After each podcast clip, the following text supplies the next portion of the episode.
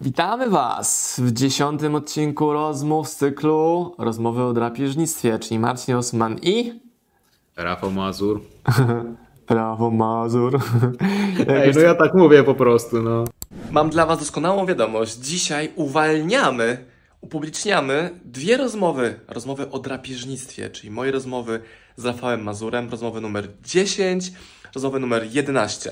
Do tej pory mogliście słuchać 9 odcinków naszych długich, głębokich rozmów o drapieżnictwie, a teraz zapraszam Was do przesłuchania, do obejrzenia pozostałych, ostatnich dwóch rozmów, które nagraliśmy z Rafałem specjalnie dla Was. Owocnego oglądania i słuchania. Te 10 wspólnych odcinków, 9, e, po- spowodowało, że ja trochę więcej przeklinam w internecie, taki jestem twardszy w przekazie, a Rafuszek się cały czas uśmiecha, więc to jest efekt rozmów. taki szczęśliwy jest, taki punk! To jest efekt współpracy, takiej synergii, wymiany doświadczeń, przenikania się, osmozy. Tak, tak, tak. Os Osmano Osmanozy. Tak, tak, tak. Jak nagrywaliśmy materiał z Mirkiem Bernem, to wymyśliliśmy e, metodę e, Osborne Method. Osborne Method. Taka tajemna metoda, nie mogę wam jej podać, ona jest tylko dostępna dla klientów kursu, który oni u nas kupili. Nazywa się Osborne Method. Więc też może Rafał jakąś metodę nazwijmy, bo metod mamy dużo, która będzie połączeniem twoich, moich kompetencji. To może taki być taki wiesz, puenta tego dziesiątego odcinka, nie? Tam o, metoda Osborne Method, to tutaj może być co? Mazur, Osman, Mazur. Coś wymyślimy. Coś wymyślimy, coś wymyślimy. Ale w dzisiejszym odcinku będziemy mówili o strachu, czyli o czymś, w czym Rafał jest ekspertem. Rafał jest ekspertem od strachu. Jest ekspertem w odczuwaniu. Rafał to jest taki przyjacielski duszek, taki kacperek, który wie o strachu bardzo dużo. I dzisiaj w tym, w tym odcinku, w tym odcinku zmierzymy się ze strachem i e, chciałem Cię, Rafał, wypytać właśnie o tematy strachu. O to nawet poczułem, jak mi teraz poważnieje mimika twarzy, jak już poczułem, że idę w taką, wiesz, rozmowę poważną. No to tak. Skąd w ogóle się bierze strach? Zacznijmy od tego, proszę, powiedz, jak Ty to rozumiesz. Skąd jest, skąd w ogóle źródło strachu powstaje? A później Cię wypytam, jak się z tym mierzyć. Czy wiesz, tak ge- generalnie jest rozróżnienie pomiędzy strachem a lękiem, prawda? Znaczy, O, ciekawe, nie wiedziałem o strach. tym. Mhm. Tak, bo, bo lęk to jest, okej, podam ci na przykładzie. Podam ci na przykładzie. Pamiętasz tą scenę e, z Cats Vegas, jak gość wchodzi do kibla, a tam jest tygrys? Nie, ale zobaczyłem to teraz w głowie. Nie widziałeś Cats Vegas? Wiem, że tam z tatuażem musisz, był. Musisz, musisz, musisz, obecnie, musisz koniecznie obejrzeć. Dobra, w każdym wiesz, w momencie, w którym się dzieje tak, że wchodzisz na przykład do kibla, tam faktycznie siedzi tygrys, to czujesz strach i to jest oczywiście absolutnie usprawiedliwione, bo twoje życie jest w realnym zagrożeniu. Tak. W momencie, w którym Sz- m, Spielberg wypuścił w latach 70. Szczęki, Tum, ludzie tum, szli do kina tum, i oglądali, no, no, Mhm. no, i ludzie oglądali Szczęki, a potem na przykład, wiesz, e, będąc już w ogóle, pomijając fakt, że są w mieście, które w ogóle nie ma dostępu do, do oceanu, bali się wejść do wanny, bo bali się, że ich rekin zaatakuje, to jest lęk. Czyli lęk, lęk jest czymś, co zostało nam wytworzone w umyśle, a strach to jest coś, co powiedzmy ma, ma, realne podstawy. Więc generalnie, kiedy my mówimy o strachu, to my mówimy generalnie o lęku, bo większość tego, czego się obawiamy, nie stanowi zagrożenia. I y, więc to tak naprawdę jest taki rodzaj. Jest taki fajny cytat z Freuda. Ja nie znam zbyt wiele Freuda, ale jest taki fajny cytat, który on powiedział, jest po prostu 100%. e, On, on, on wiele rzeczy, wiele rzeczy poprzekręcał, ale tu miał 100% racji, że my e, unikamy strachu za pomocą lęku. W sensie, że my po prostu bo, bo, boimy się e, jakichś rzeczy, które e, w ogóle nie są dla nas realnym zagrożeniem, dlatego że tak naprawdę my dzisiaj w dużym stopniu nie musimy się bać o swoje życie i zdrowie tak naprawdę. Czekaj, To znaczy- dobrze. Czyli unikamy strachu poprzez lęk?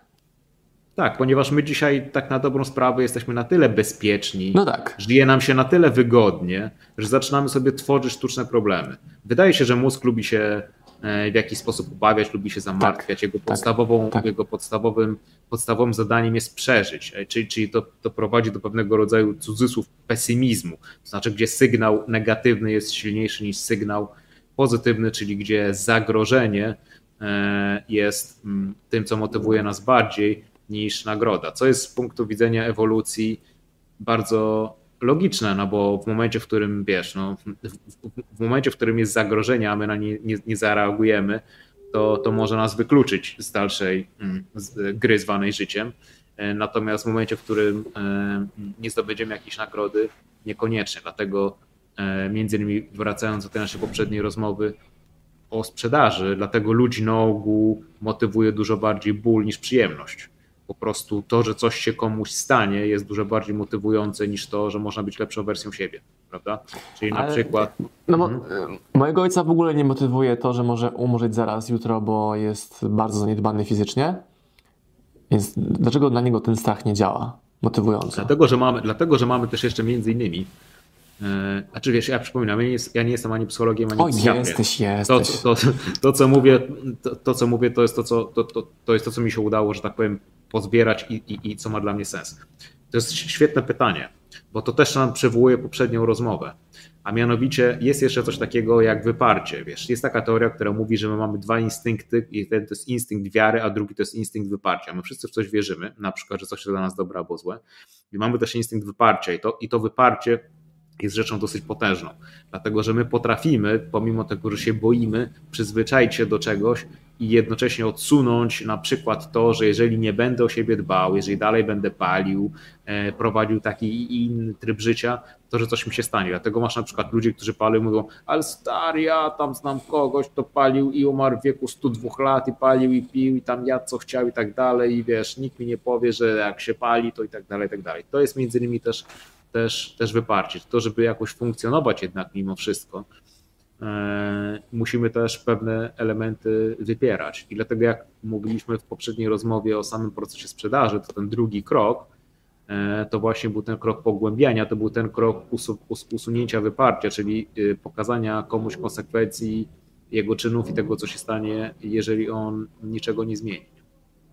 A co daje wyparcie? Jakby, no bo coś to daje ludziom, nie? że nie muszą wykonać wysiłku w kierunku zmiany? To też to też, ale to poza tym, wiesz, ta teoria, która mówi o tym, że, że, że my mamy instynkt wyparcia, powtarzam, instynkt wyparcia, czyli coś, co jest nam wrodzone, jest taka teoria, ja nie wiem, czy ona jest prawdziwa, ale jest bardzo ciekawa, że w mhm. momencie, w którym patrzysz na osobę, która jest naprawdę, ma, ma, ma depresję, mówię o depresji takiej klinicznej, takiej naprawdę ciężkiej depresji, ja nie mówię o kimś, kto jest melancholijny albo ma gorszy dzień, tylko ja mówię o kimś, kto naprawdę nie jest w stanie się zwlec z łóżka, ma naprawdę depresję, to według pewnej szkoły ci ludzie mają cudzysłów uszkodzony mechanizm wyparcia i oni zobaczyli życie takim, jakim ono jest naprawdę. Okej, okay, rozumiem. Czyli, okay, okay. czyli rozumiesz, bo, bo, bo i, i, tym się różni na przykład, na przykład osoba, która ma depresję, nie jest optymistyczna. To jest oczywiste, prawda? Optymizm, ta wiara w siebie i tak dalej pozwala nam też w pewien sposób wypierać na przykład te elementy, gdzie, że może nam się nie udać, może nam nie być. My wierzymy, że nam się uda i to dodaje nam energii, dodaje nam siły. Więc to jest prawdopodobnie element, który jest niezbędny do działania. Wiesz, w momencie, w którym my mamy samoświadomość i w momencie, w którym my wiemy, że umrzemy, prawda, i wszystkich, których kochasz, też umrą, i myślenie na ten temat, na ten temat cały czas, w ogóle tak. myślenie o swojej śmiertelności, generalnie może wiele osób wpędzić w, nie, w niezbyt produktywny stan umysłu. I to jest między innymi mm, ten element, w którym wyparcie może pomóc, ale też oczywiście, jeżeli tego wyparcia jest za dużo, no to w tym momencie tracimy kontakt z rzeczywistością, zapominamy o swojej śmiertelności, zapominamy o tym, że jesteśmy tu na chwilę, zapominamy o tym, że możemy doceniać chociażby fakt tego, że się boimy, bo to, oświadczy, bo to świadczy o tym, że, jest, że żyjemy, a to oznacza, że jesteśmy wciąż mhm. grze. No i wtedy dochodzi do, wiesz, ten mechanizm, który może nas chronić, tak naprawdę zaczyna być pewnego rodzaju mechanizmem autosabotażu. To jest ten sam mechanizm, który powoduje, że mózg tylko część, znaczy wciąga dużo komunikatów, ale większość usuwa, bo byśmy nie byli w stanie sobie poradzić, gdybyśmy każdy musieli reagować na każdy bodziec. O to chodzi? Tak, tak. Czy podświadomość reaguje okay. na znacznie więcej bodźców, świadomość na znacznie mniej bodźców. Nie, o, o, tak, nie, tak, tak. nie zmienia faktu, że na przykład nasze wartości, nasze poglądy, przekonania też decydują o tym, co zostaje, a co usuwamy, bo jeżeli ktoś na przykład uważa, że ludzi są wredni, no to generalnie będzie znajdował potwierdzenia tego, że ludzi są wredni, a jak się okaże, że rudy nie będzie, nie będzie wredny, tylko będzie przesympatyczny i będzie uroczy, to może tego faktu najzwyczajniej nie zauważyć, prawda? Więc my, my, my często zauważamy tylko to, to, to, co bierzemy albo prowokować tego rudego, żeby udowodnił obraz, jaki ty w tej głowie masz na jego temat, nie? Tak. Że dopasować. Mhm.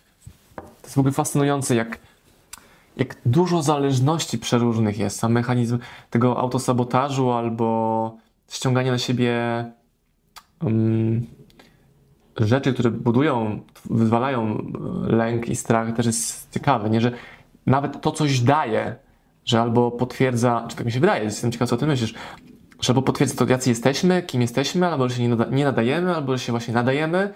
Dla niektórych strach działa motywacyjnie, dla niektórych e, demotywacyjnie. I jak to jest, że dla jednego tak, do drugiego inaczej? Jest to osobnicze, czy to jest kwestia świadomości, czy pracy z tym lękiem? Czy wiesz, ja ci, ja ci nie jestem w stanie mm, odpowiedzieć mm, dokładnie, nie wiem. Ja wiem, że można, ja wiem, że można to zmienić, że można zbudować e, relacje z tym że po prostu może na zwyczajnie na świecie, wiesz, przestać kupować e, wszystko to, co podrzuci na mózg. Wiesz, ja lubię pracować w takim modelu, gdzie jest, mamy mózg i mamy umysł. I umysł jest funkcją mózgu, natomiast mózg jest jakby organem biologicznym, no i on ma pewnego rodzaju tendencje. I ma też tendencję do bania się, bo generalnie wszyscy się boją, generalnie tam psychopaci się podobno nie boją, ale oni stanowią jakiś tam powiedzmy 1%, więc 99-98% ludzi się boi e, mniej lub bardziej i to jest według mnie e, całkowicie ok. Dlatego ja między innymi jak ja u siebie pracowałem e, ze, ze strachem, lękiem i tak dalej, a nie byłem jakiś szczególnie odważny i przebojowy jeszcze lata temu, e, to między innymi zobaczyłem, że zamiast właśnie go wypierać, zamiast udawać, że się nie boi i tak dalej, że ten strach można wykorzystać w zupełnie inny sposób, a mianowicie, że można go odwrócić. My możemy na przykład zacząć bać się niedziałania, zamiast bać się działania, wracając na przykład do sprzedaży. Tak, ukierunkowanie emocji, energii. Znaczy, jest, strach jest potężnym motywatorem. To jest potężny motywator, który już jest. Więc po prostu w, w, w, tym momencie możemy wykorzystać siłę grawitacji, zamiast z nią walczyć. I możemy się bać tego, co się stanie, jeżeli my nie osiągniemy e, potencjału, jeżeli nie zaczniemy iść we właściwą stronę. Jeżeli nie zaczniemy e, robić e, pewnych elementów, wykonywać pewne prace, które nas wzmacniają. I to na przykład, wiesz, to też jest klasyczny właśnie przykład zmiany osobistej, gdzie na przykład prawie zawsze, zwróć uwagę, i tak prawdopodobnie też było u ciebie na przykład przy okazji twojego e, twojego bankructwa, że, że tak naprawdę poszedł bardzo silny bodziec, poszedł silny mhm. bodziec i tak na dobrą sprawę ty po prostu zacząłeś się bać innych rzeczy. Nie? Tak, i to uruchomiło u mnie hamulce w jednym obszarze, a w drugiej nacisnąłem gaz. Czyli yy, hamulce w, w zajmowaniu się nie moim obszarem kompetencji, a nacisknąłem gaz mocniej w moich predyspozycjach, czyli sprzedaży, marketingu. No właśnie, właśnie. To jest, to, to, to jest klasyczny przykład, tak, tak. na przykład kogoś, kto właśnie, e, wiesz, nagle się dowiaduje, że straci całą rodzinę, jeżeli nie zmieni swojego trybu życia, albo jeżeli nie zmieni sposobu żywienia czy prowadzenia się, e, to w takim razie zostaje już mu prawdopodobnie nie za wiele do życia i nagle dochodzi do zmiany, bo po prostu ten strach zaczyna być motywatorem do tego, żeby się zmienić, a że jest motywatorem potężnym, e, to może wprowadzać zmianę. Czyli jeden z, takim, z takich najważniejszych elementów to jest to, żeby nauczyć się ten strach odwracać. W momencie, w którym ktoś na przykład obawia się tego, żeby ruszyć z biznesem, jest na przykład w jakiejś pracy, którą z jakichś tam powodów jest w pracy, której nie lubi, wykonując ją dla ludzi, których nie ceni, sprzedając rzeczy i tak dalej, tak dalej, tak dalej. Czyli po prostu jest w dupie, że tak powiem.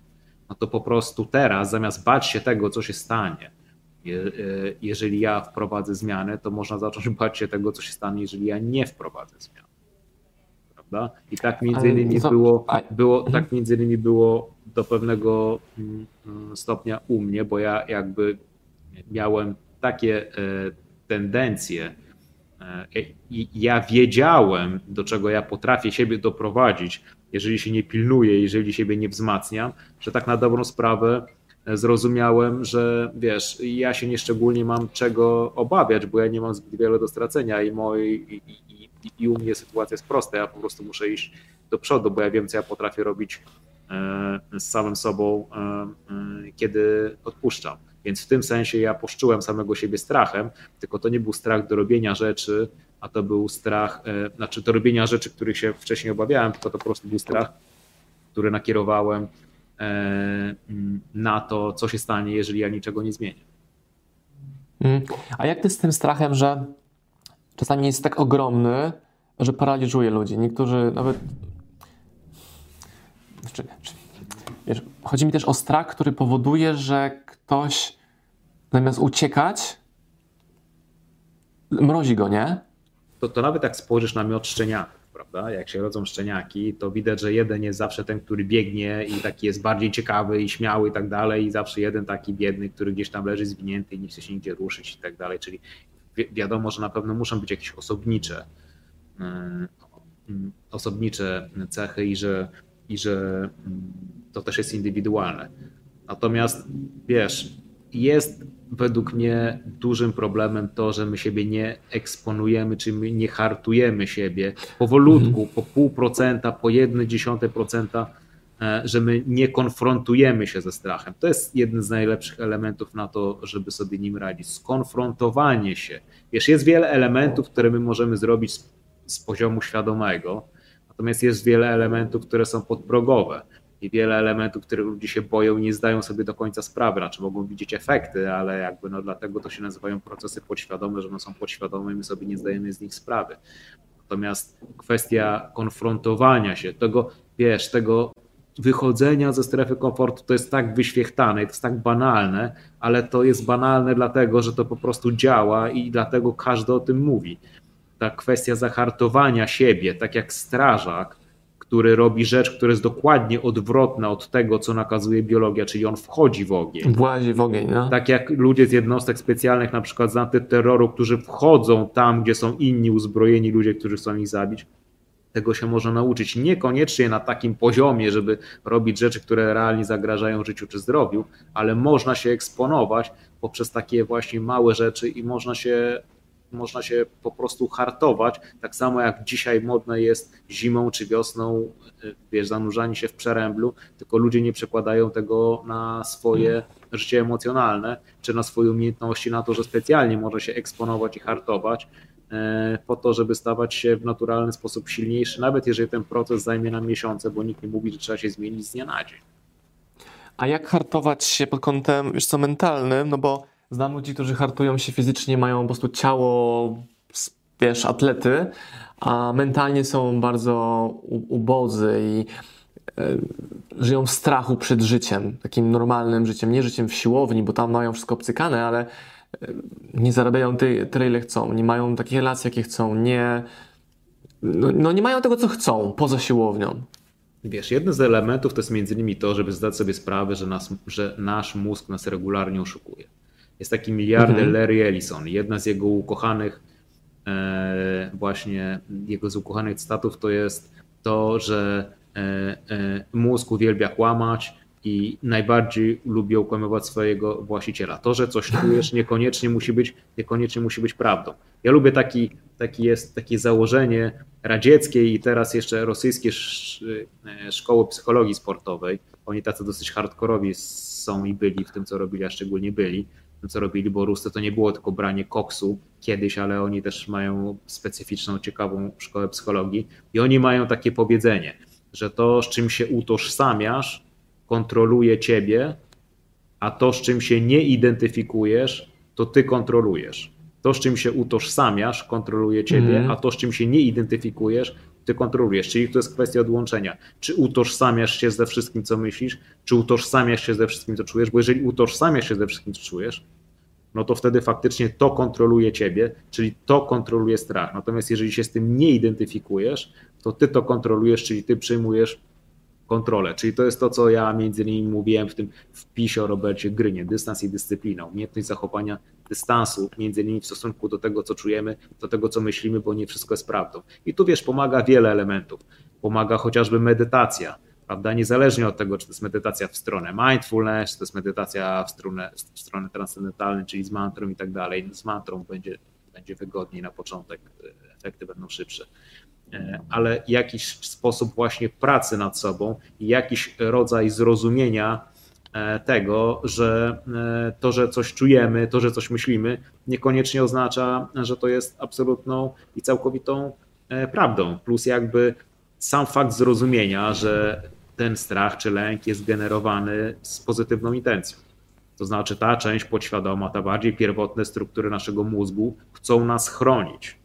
Więc to nie jest tak, że to jest cudzysłów złe. Intencja jest zawsze dobra. Intencja wszystkiego jest dobra. Intencja bólu zęba też jest dobra. Objaw jest nieprzyjemny, ale intencja jest dobra. Chodzi o zwrócenie uwagi. Jest zagrożenie, zwróć uwagę, prawda? Więc samo akceptowanie tego, co czujemy, co jest absolutnie obce w tej kulturze, my nie potrafimy akceptować rzeczy, my ciągle musimy ze wszystkim walczyć.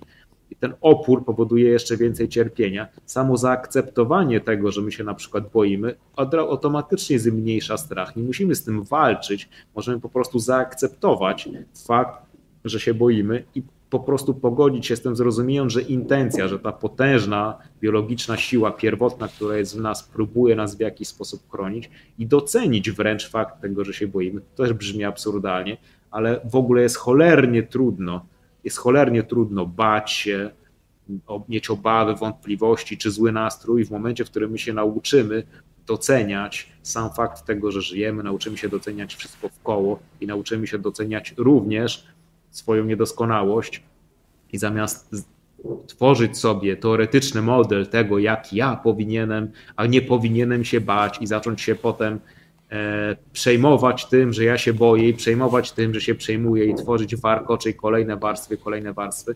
zaakceptować fakt, że akurat tu i teraz się boisz, docenić fakt tego, że jakaś potężna część w środku, w tobie e, e, chcecie chronić i intencja jest dobra, a potem po prostu pamiętać o tym, co było do zrobienia i zrobić to po to, żeby się skonfrontować i po to, żeby pokazać, kto tutaj rządzi, czyli przestać się z tym utożsamiać e, i po prostu e, skoncentrować się na tym wyniku, który chcemy osiągnąć, nawet jeżeli przyjdzie to nam powoli, pokracznie, czy się nie do końca uda.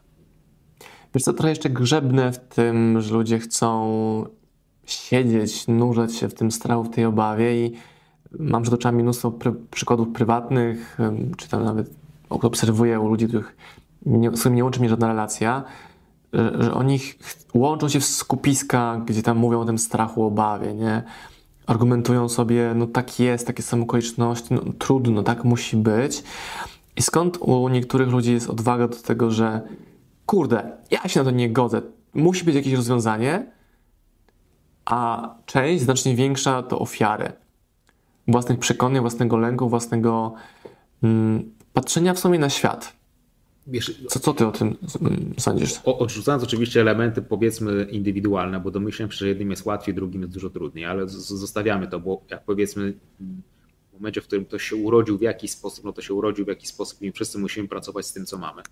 To między innymi w pewien sposób... Poczekaj, poczekaj, zatrzymajmy się nad, nad tym, że jednemu jest łatwiej, jednemu jest trudniej. A co gdyby uznać, że każdemu jest równie trudno albo równie łatwo? No bo też powie, dobra, urodził się w bogatej rodzinie. No dobra, no ma pieniądze, ale to wcale nie powoduje, że będzie skuteczniejszym przedsiębiorcą.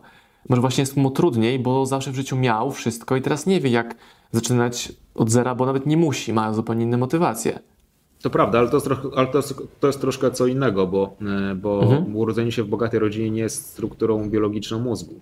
Natomiast mhm. tutaj, tutaj, tutaj prawdopodobnie e, są jednak indywidualne różnice. Ale okej, okay, uznajmy, że wszyscy mniej więcej mamy podobnie, bo, bo ja się z Tobą całkowicie zgadzam. To, że się urodziło w bogatej rodzinie, jednocześnie oznacza, że jest pewien rodzaj presji, porównywanie się na przykład, czy ja będę lepszy przedsiębiorcą niż ojciec i tak dalej. Poza tym często motywacja spada, bo nie, ma, nie jest się głodny, bo się zawsze wszystko miało i tak dalej. Więc jakby zawsze są plusy i minusy.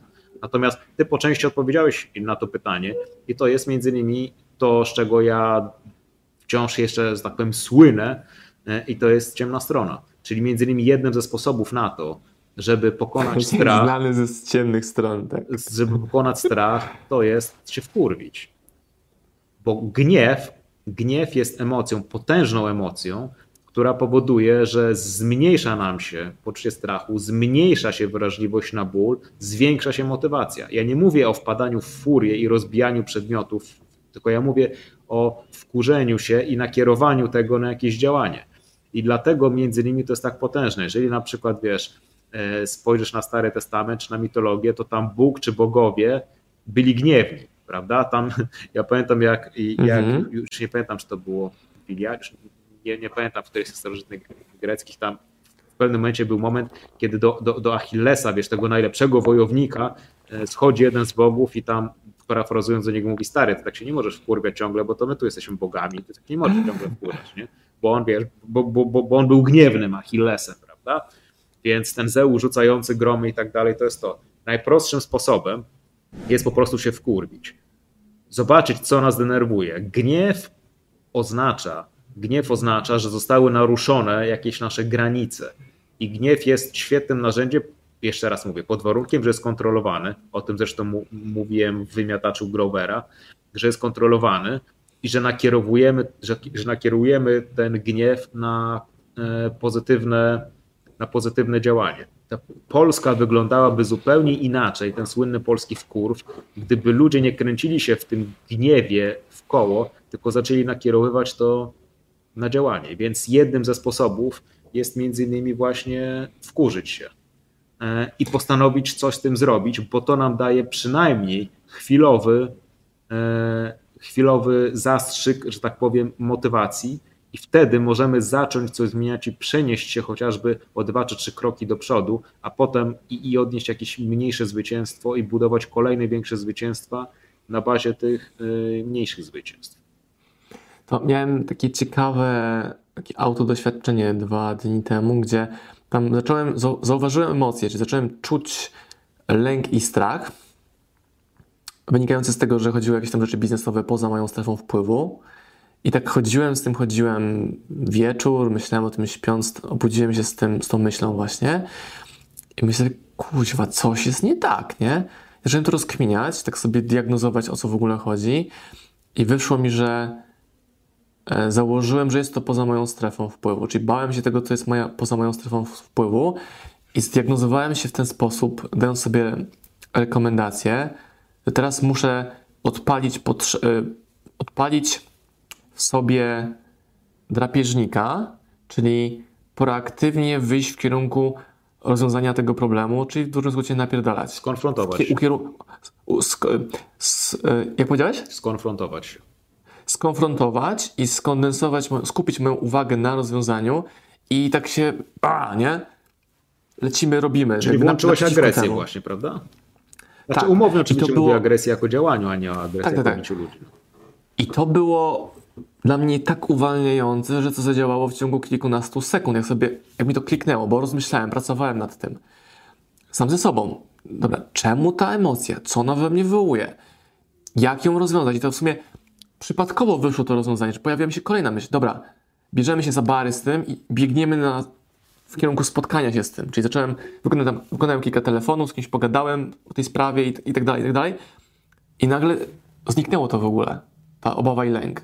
No właśnie. Sytuacja, którą tam się mierzy, ona się dzieje, nie? Ale jestem w innej roli teraz, czyli w roli, okej, okay, bałem się, był lęk, co mogę zrobić? Wybiegnę naprzeciw temu, temu tygrysowi, bo on i tak do mnie przyjdzie, więc ja wolę pierwszemu wybiec na spotkanie i wziąć odpowiedzialność za ten proces. I to mnie bardzo, bardzo, bardzo mi odkleiło moją, moją, moje skupienie na bezwładności, bezradności, myśleniu o tym w zadanie, w działanie. Zobacz, czyli rozbiłeś między innymi stan emocjonalny przez podejście logiczne. Czyli zacząłeś zarządzać tym, co mm -hmm. czujesz zacząłeś zarządzać tym, co czujesz. Nie kupiłeś tego. Jeszcze raz wracam. To, z tak, czym, się, o, to, to, z czym się utożsamiasz, kontroluje ciebie, to z czym się nie identyfikujesz, to ty kontrolujesz. Zobaczyłeś coś, poczułeś to, nie dałeś się wkręcić. Tak. Strach, strach nie jest problemem, ani lęk nie jest problemem. Bycie sparaliżowanym przez strach i lęk jest problemem. Tak. Natomiast na to tak. trzeba już sobie tak. pozwolić. I dlatego z tym można, z tym można działać, dlatego z tym y, można zbudować relacje. Ty poczułeś sygnał, zamiast wkręcić się w tą spiralę i polecieć na dół, to po prostu zacząłeś się zastanawiać, skąd to się bierze, o co chodzi i jak znaleźć rozwiązanie, i zrobiłeś to e, z poziomu logicznego. bo z poziomu logicznego, jak się okazuje, prawda, w tej sytuacji niekoniecznie, znaczy jedyna rzecz, którą masz się obawiać, to, to której powinieneś się bać, to to właśnie bycie sparaliżowanym przez strach. I po prostu poradziłeś z mhm. nim sobie przez to, że zacząłeś zarządzać tym procesem, a zacząłeś zarządzać tym procesem, dlatego że przestały się z tym identyfikować. I mi też wychodzi, że jeżeli ja się boję, czy mam lęk, obawę, strach, że jestem nieefektywny na przykład, to im dłużej ja się nurzam w tej nieefektywności, tym ten strach, obawa jest większa. I jedyną opcją, która rozwiązuje ten problem, jest wzięcie się do roboty, która jest w kierunku tego celu, który jest, nie? I też na tym się wiele razy łapię, że zapominam na 15 sekund o tym, jak ten mechanizm działa, przypominam sobie po tych 15 sekundach, jak on działa, biorę się za robotę i lecę dalej. A widzę u ogromnej rzeszy ludzi tą obawę, strach, lęk przed Wiesz, ta prokrastynacja też jest objaw lęku, nie? Tak, tak mi się wydaje, nie wiem, co ty sądzisz. Jak, jak najbardziej, w 100%. Że prokrastynacja jest lękiem, obawą, strachem i bardzo łatwo, bardzo łatwo można go przerwać po prostu wykonując pierwszy, drugi, trzeci, czwarty krok w kierunku działania, bo jak się robi, robi, robi, robi, to nie masz przestrzeni na to, żeby roztrząsać o tym, że ci nie wyjdzie.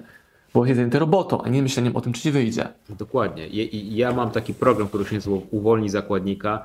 Tam jeden z elementów, który jest w tym programie, to jest zasada 5 sekund. I zasada mhm. 5 sekund polega na tym, że w momencie, w którym nie wiesz, co masz zrobić, obawiasz się i tak dalej, masz 5 sekund na to, żeby zrobić cokolwiek. Cokolwiek. Masz tylko 5 sekund i zaczynasz sobie odliczać, jak przy starcie rakiety. Raz, dwa, trzy, cztery, pięć i pięć i musisz ruszyć, musisz zrobić cokolwiek. Jeżeli akurat w danej chwili nie możesz zrobić, w sensie na przykład jesteś w samochodzie i nie jesteś w stanie zrobić, to chociażby e, czy, czy zapisać notatkę, czy stworzyć w głowie plan, cokolwiek, ale w ciągu masz tylko 5 sekund na to, żeby ruszyć z miejsca. To jest bardzo, bardzo prosty sposób i on jest fantastyczny na to, żeby coś robić. Ja kiedyś na Zeniaskiniowca w tych starszych postach napisałem takie zdanie, pamiętam, że e, strach jest kompasem i żywi się czasem. Że zgodnie z tym, co, zgodnie z tym, co Pressfield mówi, strach często, czy ten opór, prawda, no bo jakby opór, e, opór, strach to jest w dużym stopniu to samo, często pokazuje nam kierunek, w którym powinniśmy iść. Oczywiście nie zawsze. Na przykład ja się boję yy, spróbować heroiny. To nie znaczy, że ja mam próbować teraz heroinę, bo się tego boję. To jakby to, to, to, nie, to nie doprowadzi mnie do miejsca, w którym chcę być w moim życiu. Natomiast na przykład Gdybym ja się bał na przykład wystąpień publicznych, to to już by mnie ograniczało, bo ja tego potrzebuję, żeby móc, mhm. tak, żeby móc e, pomóc sobie i żeby móc pomóc innym. Więc to mnie ograniczało. Więc to jest tego rodzaju lęk właśnie, bo to jest lęk, bo mi nic nie grozi, nikt mnie nie ukamienuje, e, mam nadzieję, to że właśnie to wymaga skonfrontowania się i zrobienia czegoś, a żywi się czasem to jest dokładnie to, o czym powiedziałeś przed chwilą. Im bardziej się tego obawiamy, to ktoś bardziej zinternalizowany zaczyna być coraz bardziej takim rodzajem jakiegoś nawyku i tym bardziej naturalne jest dla nas, a potem staje się częścią tożsamości. Ja po prostu nie jestem gościem, który mówi, ja nie jestem gościem, który występuje publicznie.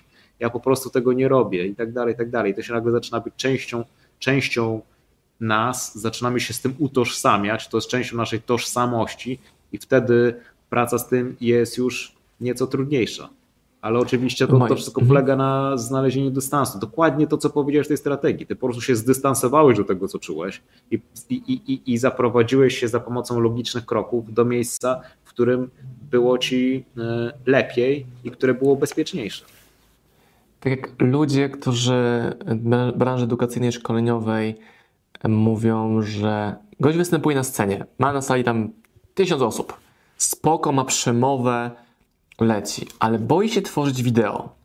Czyli ma strach, lęk, obawę przed tworzeniem wideo, które nie jest niczym innym jak występem przed sceną, tylko że zamiast ludzi na sali masz ludzi w internecie. I teraz mnie fascynuje ten lęk przed nagrywaniem wideo u, u innych ludzi, szczególnie u tych, którzy występują na scenach, nie?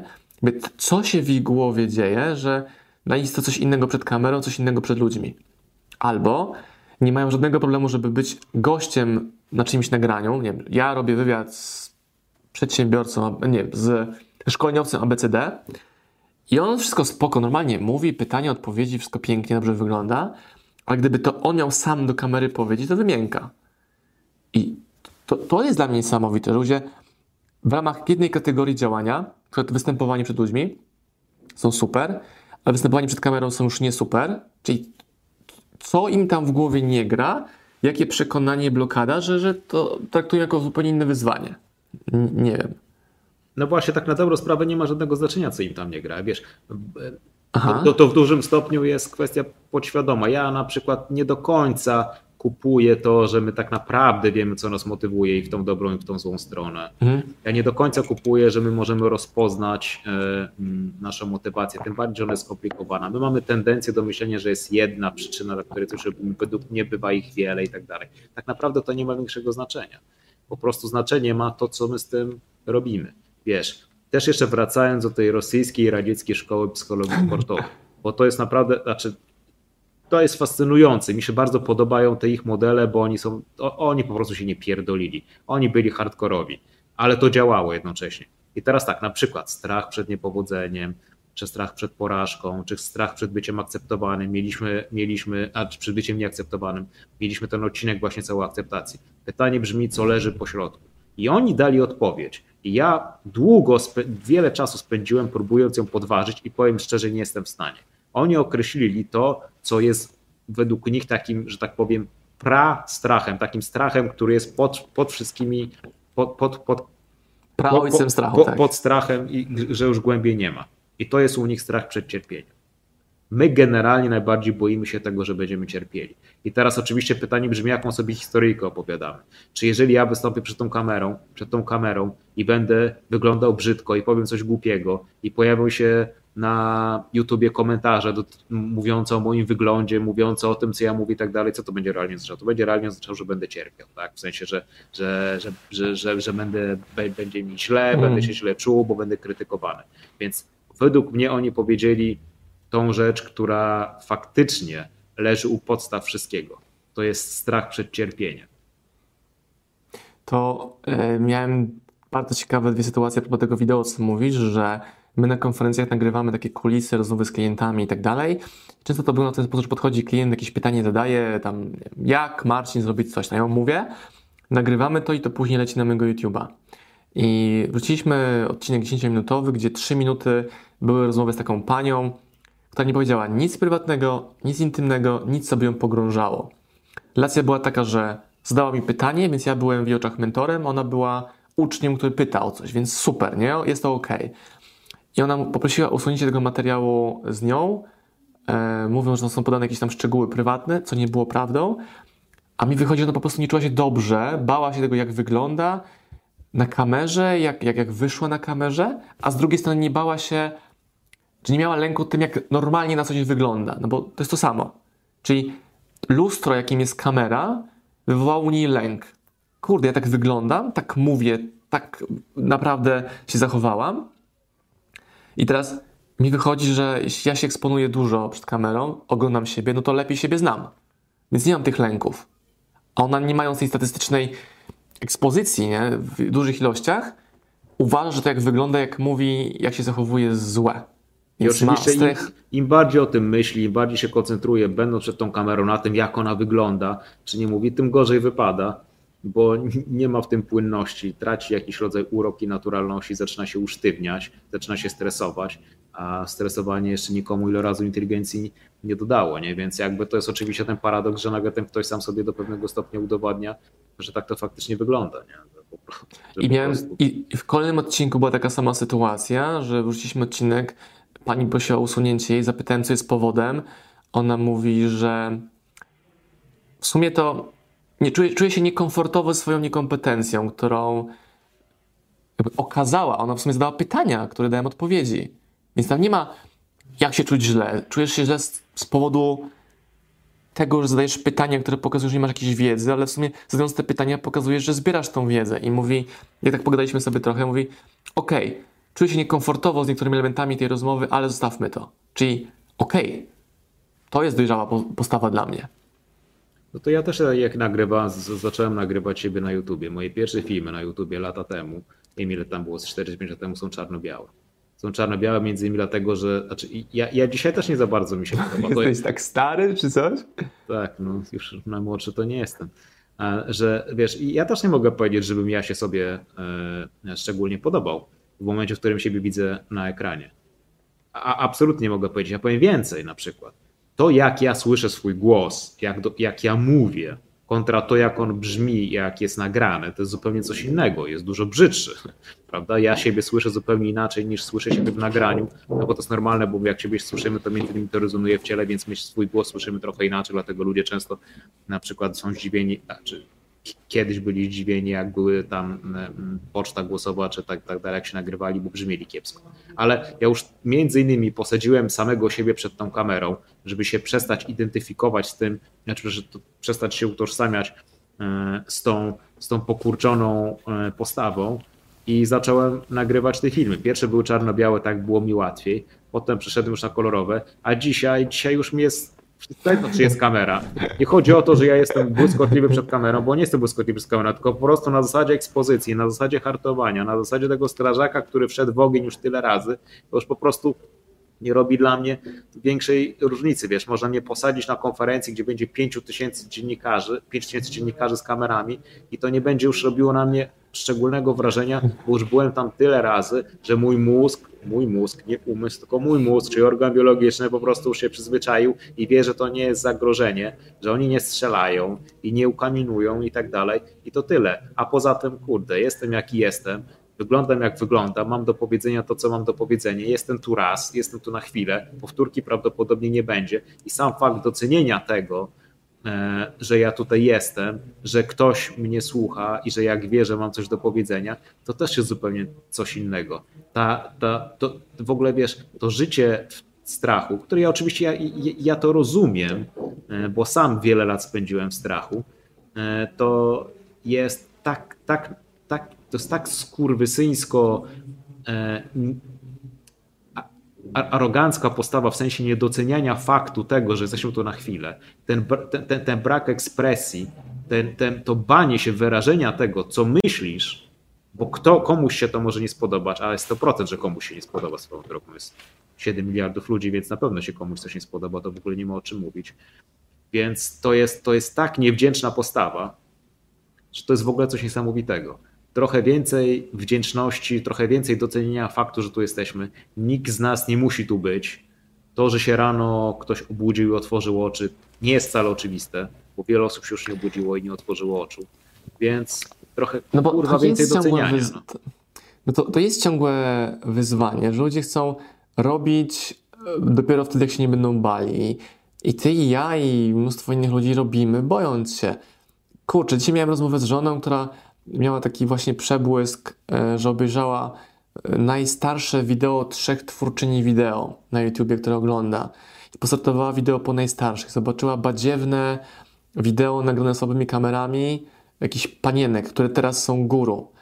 I mówi, kurde, to dla mnie było mega oczyszczające doświadczenie, bo zobaczyłam z jakiego miejsca teraz ja startuję, czy jestem 100 razy dalej w momencie startu, niż były osoby, które ona teraz postrzega jako autorytety w internecie, w tych jej, jej obszarach, nie? Mhm. Czy, czy, ten strach sobie usunęła, zabierając, znaczy strach przed tworzeniem wideo, zabierając, nie inaczej, sprawdzając na poziomie faktów, jak inni rozpoczynali. W ogóle fajnie, fajnie, fajnie, fajnie, że one te wideo zostawiły w ogóle, nie? że ich nie pousuwały, tak, że od razu były tak. osobami, które po prostu są tak fantastyczne przed kamerą, jakby się z tym urodziły. Nikt się nie urodził tak. fantastyczny przed kamerą. Ja mówię, posortujcie sobie moje wideo, czy Mazura, naj, najstarsze. Zobaczcie słabe światło i ja nie Koszmar. widziałem. I... Koszmar. Ja specjalnie, i, teraz... i mi ludzie mówili, stare, powinieneś usunąć te starsze filmy. To... Nie. Niech ludzie zobaczą, jaką drogę przeszedły. Tak, więc my będziemy robili teraz lada już dzień, tydzień takie wideo, gdzie przelecimy przez wszystkie odcinki u nas. Ona wymaga dużo pracy, takie zrobienie tego wideo, ale pokazujące postęp na każdym poziomie merytoryki, wysławiania się, wyglądu, tematyki, montażu no i tak dalej, i tak dalej. I czy ja miałem strach nagrywając pierwsze wideo? No pewno, że tak. Zasłaniałem się tam, że nie mam sprzętu, nie mam tego, nie mam takiego światła, a teraz mogę nagrać komórką w dowolnych warunkach dobrej jakości wideo. Jak pokazują statystyki, te wideo są lepsze niż robione profesjonalnym sprzętem. No nie tak, wiem dlaczego, no. może zwiększa naturalność. No tak, kurczę. I, i, I ludzie zamiast powiedzieć, co mają do powiedzenia, czyli, czyli postawić na ekspresję, które jest przeciwieństwem słowo depresja, depresja, to coś ciśnięta, ekspresja, coś, co jest e, odwrotnością depresji, prawda? Zamiast zobaczyć, jakie są dzisiaj możliwości, że my dzisiaj wszyscy mamy swój kanał telewizyjny. Nazywa się YouTube i można mieć konto za darmo. Za darmo. Jeżeli się ma coś do powiedzenia, to można powiedzieć.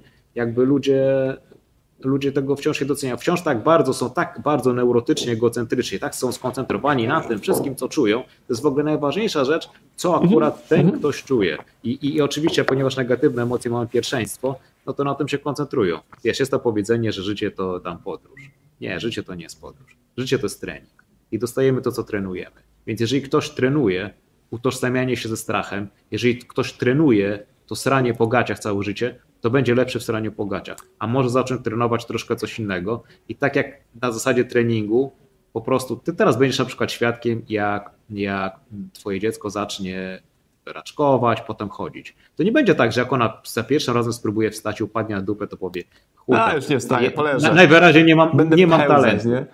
Tak, i do końca życia będę pełzać. Koleżanka chodzi, ja nie chodzę, widocznie coś jest ze mną nie tak. Nie, Dzieci tak, gdyby, gdyby nastawienie nasze było, w, jak, jak byliśmy małymi dziećmi, tak jak teraz, to nikt z nas by nie chodził. Mhm. Ona po prostu najzwyczajniej na świecie będzie to robiła. I tyle. I będzie próbowała. I, I nikt nie zaczął biegać, zanim się nauczył chodzić. I dlaczego to ma być w innych aspektach życia e, inaczej? Wiesz co, ja, Powoli, spokojnie. Ja się odniosę do tego, co powiedziałeś, że życie to nie podróż, ale trening. Ja mam, ja, ja uważam, że życie to podróż, Dlatego, że mhm. traktuję to jako trening, a ludzie traktują podróż jako wakacje all inclusive. Gdzie siedzisz z innymi to, tak. ludźmi w basenie pierdolacie I powinni ci, powinni ci po... I, tylko, że jak jesteś, jedziesz na all inclusive, to płacisz cenę. Tak. A ludzie chcą mieć all inclusive za darmo. Tak, tak, tak, tak. Aha. Czyli chcą mieć, ludzie chcą mieć życie all inclusive bez, z, z, za free, chcą wygrać w promocji.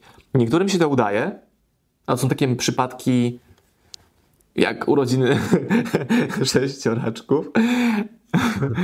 Ale tak, doszliśmy do fajnej metafory, że chcą wakacje all inclusive bez płacenia za to ceny. Dokładnie, żadnej ceny. Żeby tylko było tak, jak chcę, kiedy chcę i tak dalej. Najlepiej, żeby zostało dane.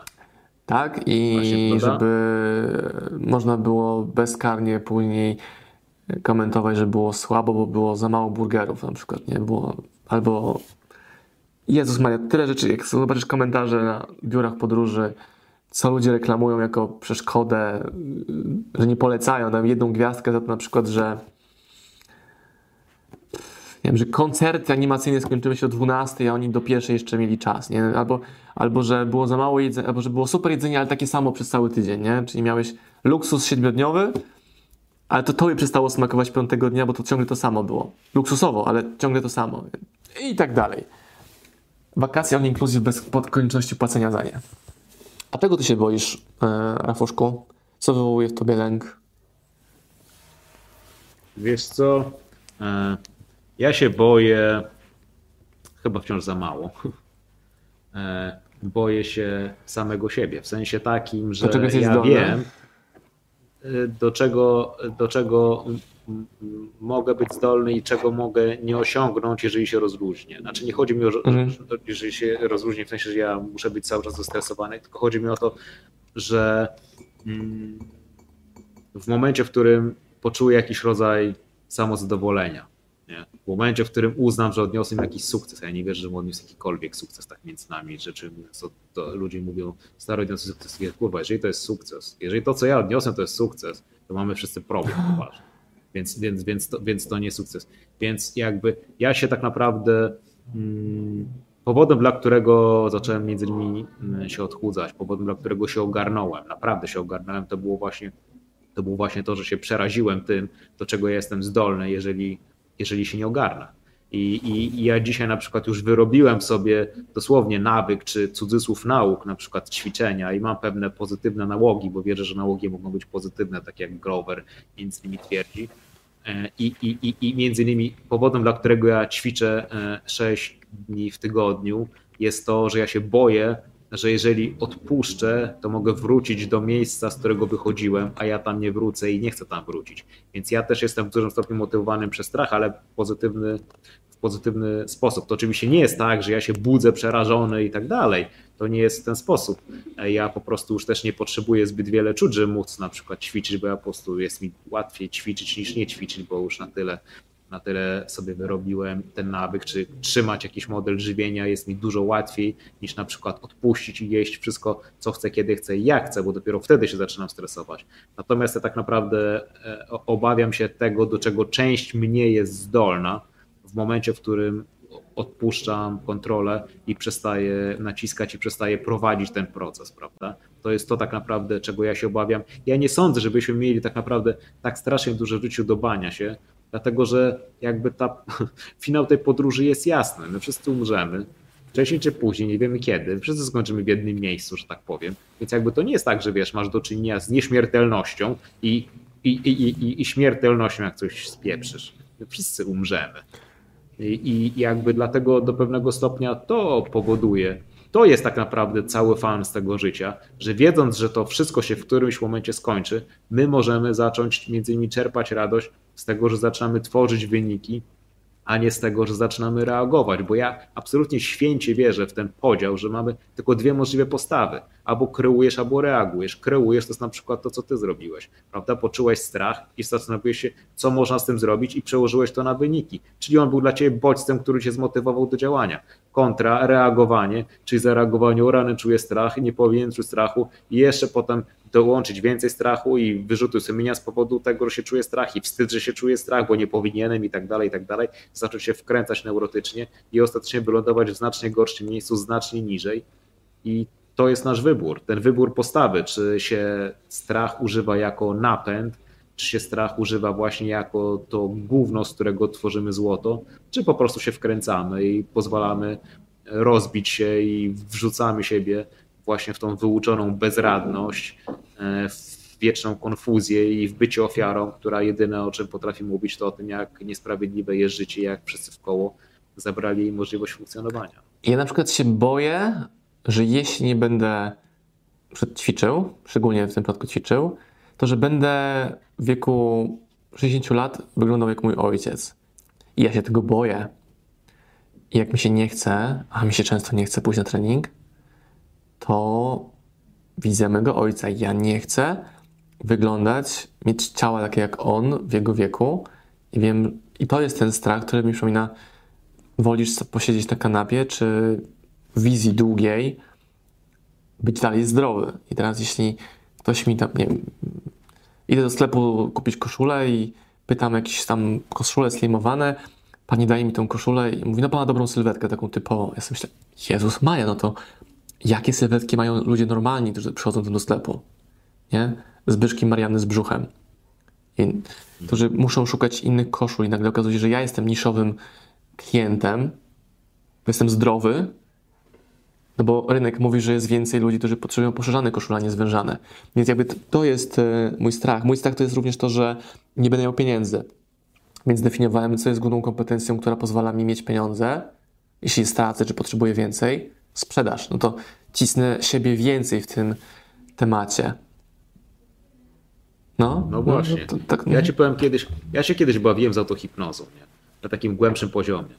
Kiedyś bawiłem się z autohipnozą i postanowiłem, że sobie właśnie między innymi usunę, usunę strach i lęk. Nie? Zacząłem sobie tak robić taką technikę wygaszania, znaczy tak umownie mówię symbolicznie, wygaszania ciała migdałowatego, który odpowiada za to. I faktycznie, stary, ja zmniejszyłem poziomy swoich lęków mniej więcej o 80% i jednocześnie motywacja mi spadła bo nagle przestałem się w ogóle obawiać konsekwencji tego, że czegoś nie zrobię. Rozumiesz o co chodzi? Mm. Wszedłem w taki trochę, taki trochę anarchistyczny, nihilistyczny tryb, gdzie faktycznie miałem po prostu wyjebane. Więc ja wiem, że, więc ja wiem, że niekoniecznie pozbycie się strachu e, musi być dobre. E, niekoniecznie. I, i, to, I jakby ty podsumowałeś teraz wszystko o czym mówisz. Robisz pozytywne rzeczy, na przykład ćwiczysz, dbasz o siebie, dlatego że jesteś między innymi motywowany strachem przed konsekwencjami, czyli uwaga, strachem przed cierpieniem. Cierpienie tego, kim ty byś był, jak byś wyglądał, jak byś się czuł, kiedy tego nie zrobisz, jest większe niż cierpienie spowodowane tym, że będziesz szarpał stal, czy tam biegał. No to też dla mnie ciekawe jest widzieć, słyszeć komentarze, że nawet sam to widzę u siebie, że, że wyglądam lepiej, i fizycznie, i ubraniowo, że mam większą radość życia, że robię jeszcze bardziej rzeczy, które chcę robić, bo miałem jakiś taki obraz czy przekonanie, że, że, że to nie rośnie, że do jakiegoś poziomu dochodzisz i widzisz, że ludzie chodzą w takich samych ubraniach przez całe życie, czyli na przykład za dużych ciuchach. Większość mężczyzn w Polsce nosi przynajmniej o jeden rozmiar za duże ciuchy, bo mi się wydaje, że tak trzeba właśnie się ubierać. Czyli nie ma progresu. Ja nie chcę, znowu strach, nie chcę zobaczyć moich zdjęć, jak mam pięćdziesiątkę i zobaczyć zdjęcie, jak miałem trzydziestkę, że lepiej wyglądam na zdjęciach, gdy mam trzydziestkę. Nie? A widzę, że ludzie się pogodzili z tym, że są starzy, więc starość oznacza to bycie starszym. To to bycie może mądrzejszym, ale brzydszym, albo mądrzejszym, ale mniej sprawnym. Więc... No właśnie, pogodzili się. Masz to, co tolerujesz. Ty po prostu nie tolerujesz tego, że może być w gorszej formie. I to, że jesteś rok starszy, nie znaczy, że masz być w coraz gorszej formie, tylko to oznacza, że masz więcej czasu to, żeby, żeby, o siebie, żeby o siebie dbać i robisz rzeczy, żeby być w lepszej formie, żeby ją utrzymać, a nawet poprawiać. I bo, bo właśnie myśl o tym, że może być odwrotnie, powoduje u ciebie cierpienie. Czyli rozumiesz, sprowadzamy to znowu do tego strachu przed cierpieniem, tylko u ciebie nie jest strach przed cierpieniem pod tytułem nie pójdę, nie będę ćwiczył, bo mnie będzie bolało i będę miał zakwasy, tylko cena zakwasów jest niczym w porównaniu do tego, jak będziesz się czuł ze sobą, kiedy tego nie zrobisz. Tak. Czy to cierpienie zostało odwrócone? Po prostu boisz się cierpienia, ale cierpienie zostało zdefiniowane w inny sposób. Czyli to jest klucz między innymi, zdefiniuj swoje cierpienie. Ja cały czas mówię o tym, wybierz swoje przejebane.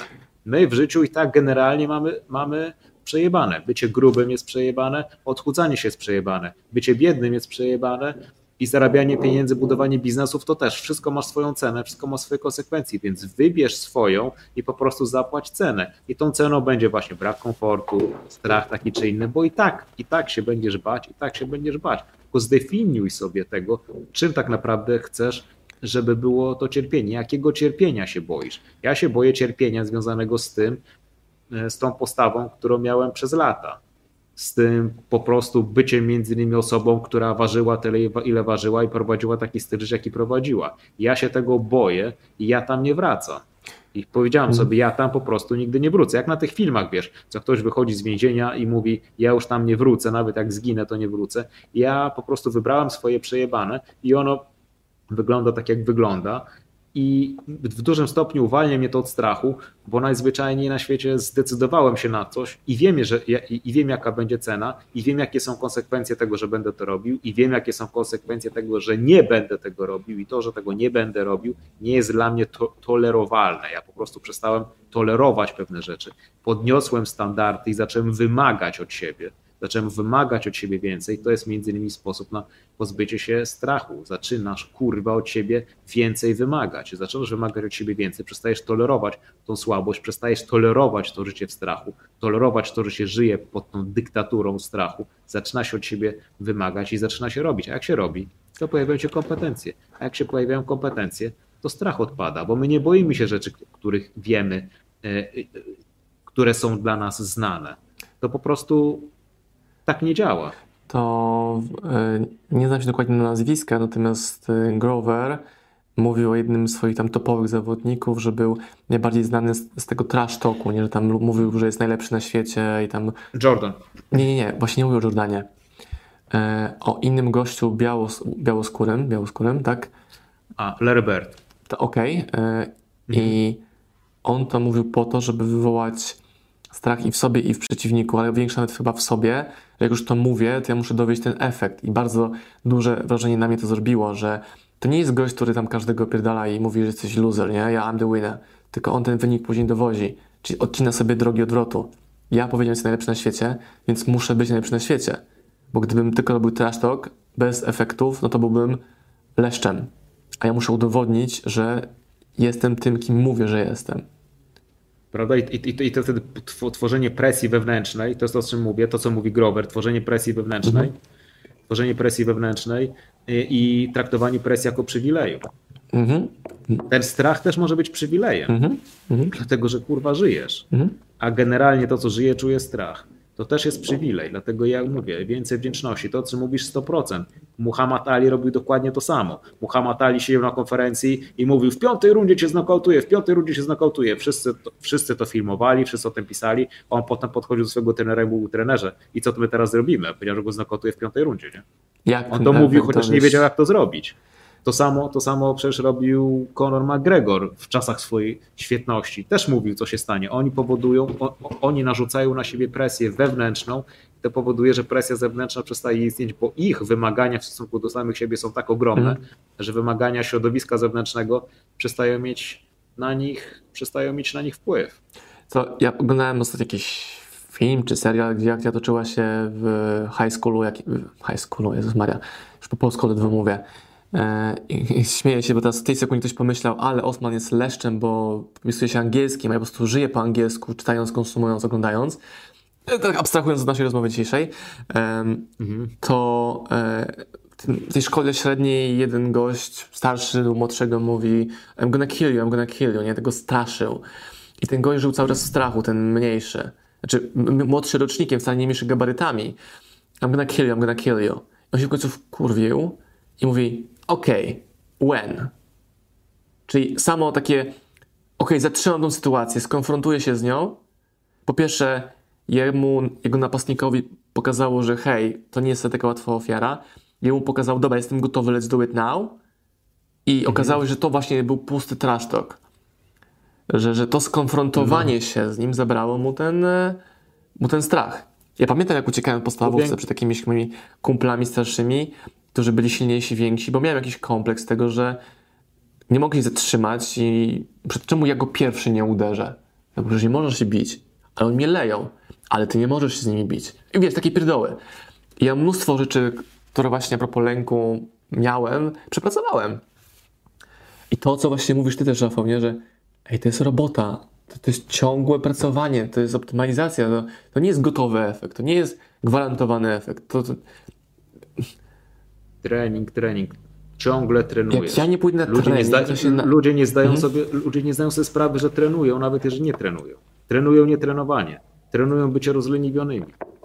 Trenują banie się. Tre... Trenują codziennie. Jeżeli ktoś się boi i nie zwraca uwagi, to trenuje. My ciągle coś trenujemy. Trenują. My ciągle mhm. albo wzmacniamy stary nawyk, albo wyrabiamy nowy. Nie ma, innego, nie ma innej możliwości. Albo wyrabiasz nowy nawyk, albo wzmacniasz stary. Więc to życie w strachu między innymi powoduje, że codziennie trenujemy życie w strachu i codziennie jest odrobinkę trudniej się z tego wyrwać. To a, pro, a, a, a propos tego, wiesz, i to chyba w naszej jednym z naszych rozmów y, o, o tym mówiliśmy. Jak pamiętam, kiedyś oglądałem taki film dokumentalny o gangach, dobra, w wielkim skrócie.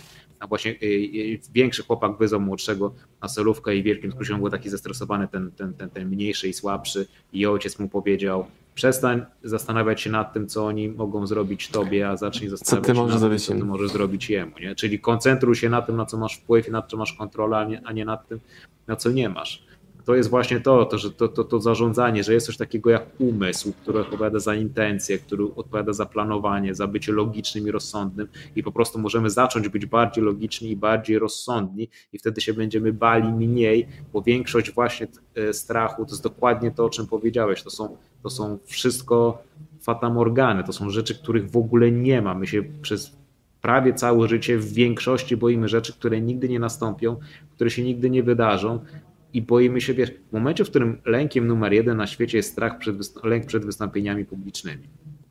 A, czy teraz jak spojrzymy sobie na to z boku, to jest absurd, bo czegoś tak naprawdę obawiać. Przecież tak naprawdę fizycznie nie zostanie się usuniętym, dlatego że się coś powiedziało źle, albo dlatego, że się, że się, e, że się e, nie było odpowiednio charyzmatyczne. Ale to jest właśnie to.